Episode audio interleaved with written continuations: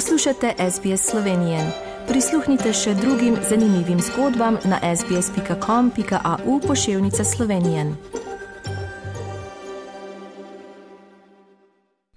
Drage poslušalke, spoštovani poslušalci, poslušate slovensko oddajo na radiju SBS danes v soboto 24. septembra 2022. Anton Martin Slomšek je bil slovenski škof, pisatelj, pesnik in pedagog, ki se je rodil 26. novembra leta 1800 v Unišah. Umrl pa je na današnji dan 24. septembra leta 1862 v Mariboru. Kdo ni slišal za Antona Martina Slomška, ki je bil doma z premožne kmetije na slomu pri Ponikvi? Po opravljeni nedeljski šoli in trivialki se je upisal na celsko gimnazijo, kjer ga je profesor Zopančič navdušil za slovenščino in poezijo. Ker je zgodaj postal sirota, se je na posebnem učiteljskem tečaju v tretjem razredu gimnazije z odliko usposobil za inštruktorja učencev, da se je s poučevanjem lahko preživljal. Po končani gimnaziji se je upisal na študij filozofije na Ljubljanskem liceju.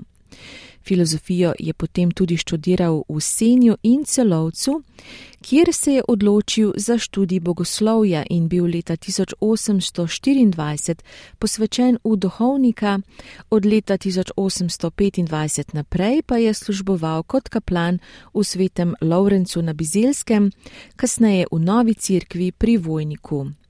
Leta 1829 je postal duhovni vodja v celovškem semenišču leta 1838 pa župnik v Vuzenici. Iz uneme za slovenščino je že med študijem teologije ustanovil slovensko društvo, poučeval bogoslovce v slovenščini in jih navduševal za pisne in govorne vaje. Kot spiritual v celovškem semenišču pa jih je navajal k prevajanju in jih pridobival za sodelovanje pri svojih knjigah. O ljubezni do materinega jezika je govoril tudi v pridigah, slovensko misel pa širil v knjigah in si zelo prizadeval za slovensko šolo na kmetih. Slomšek je leta 1859 dosegel premestitev sedeža škofije v Maribor in v njenem okviru združil skoraj vse štajerske slovence. Izhodišča prizadevanja za duhovno, moralno, versko, kulturno in narodnostno prenovo škofije je Slomšek jasno opredelil z rekom: Sveta vera bodi vam luč, materni jezik pa ključ do zveličavne omike. Na versko in duhovno zavest slovencev je skušal vplivati s pridiganjem in z uveljavljanjem nedeljskih šol ter reorganizacijo trivialk. V verski in narodni prerod je vključil tudi literarno in založniško dejavnost. Veliko je pisal zlasti za otroke in mladino.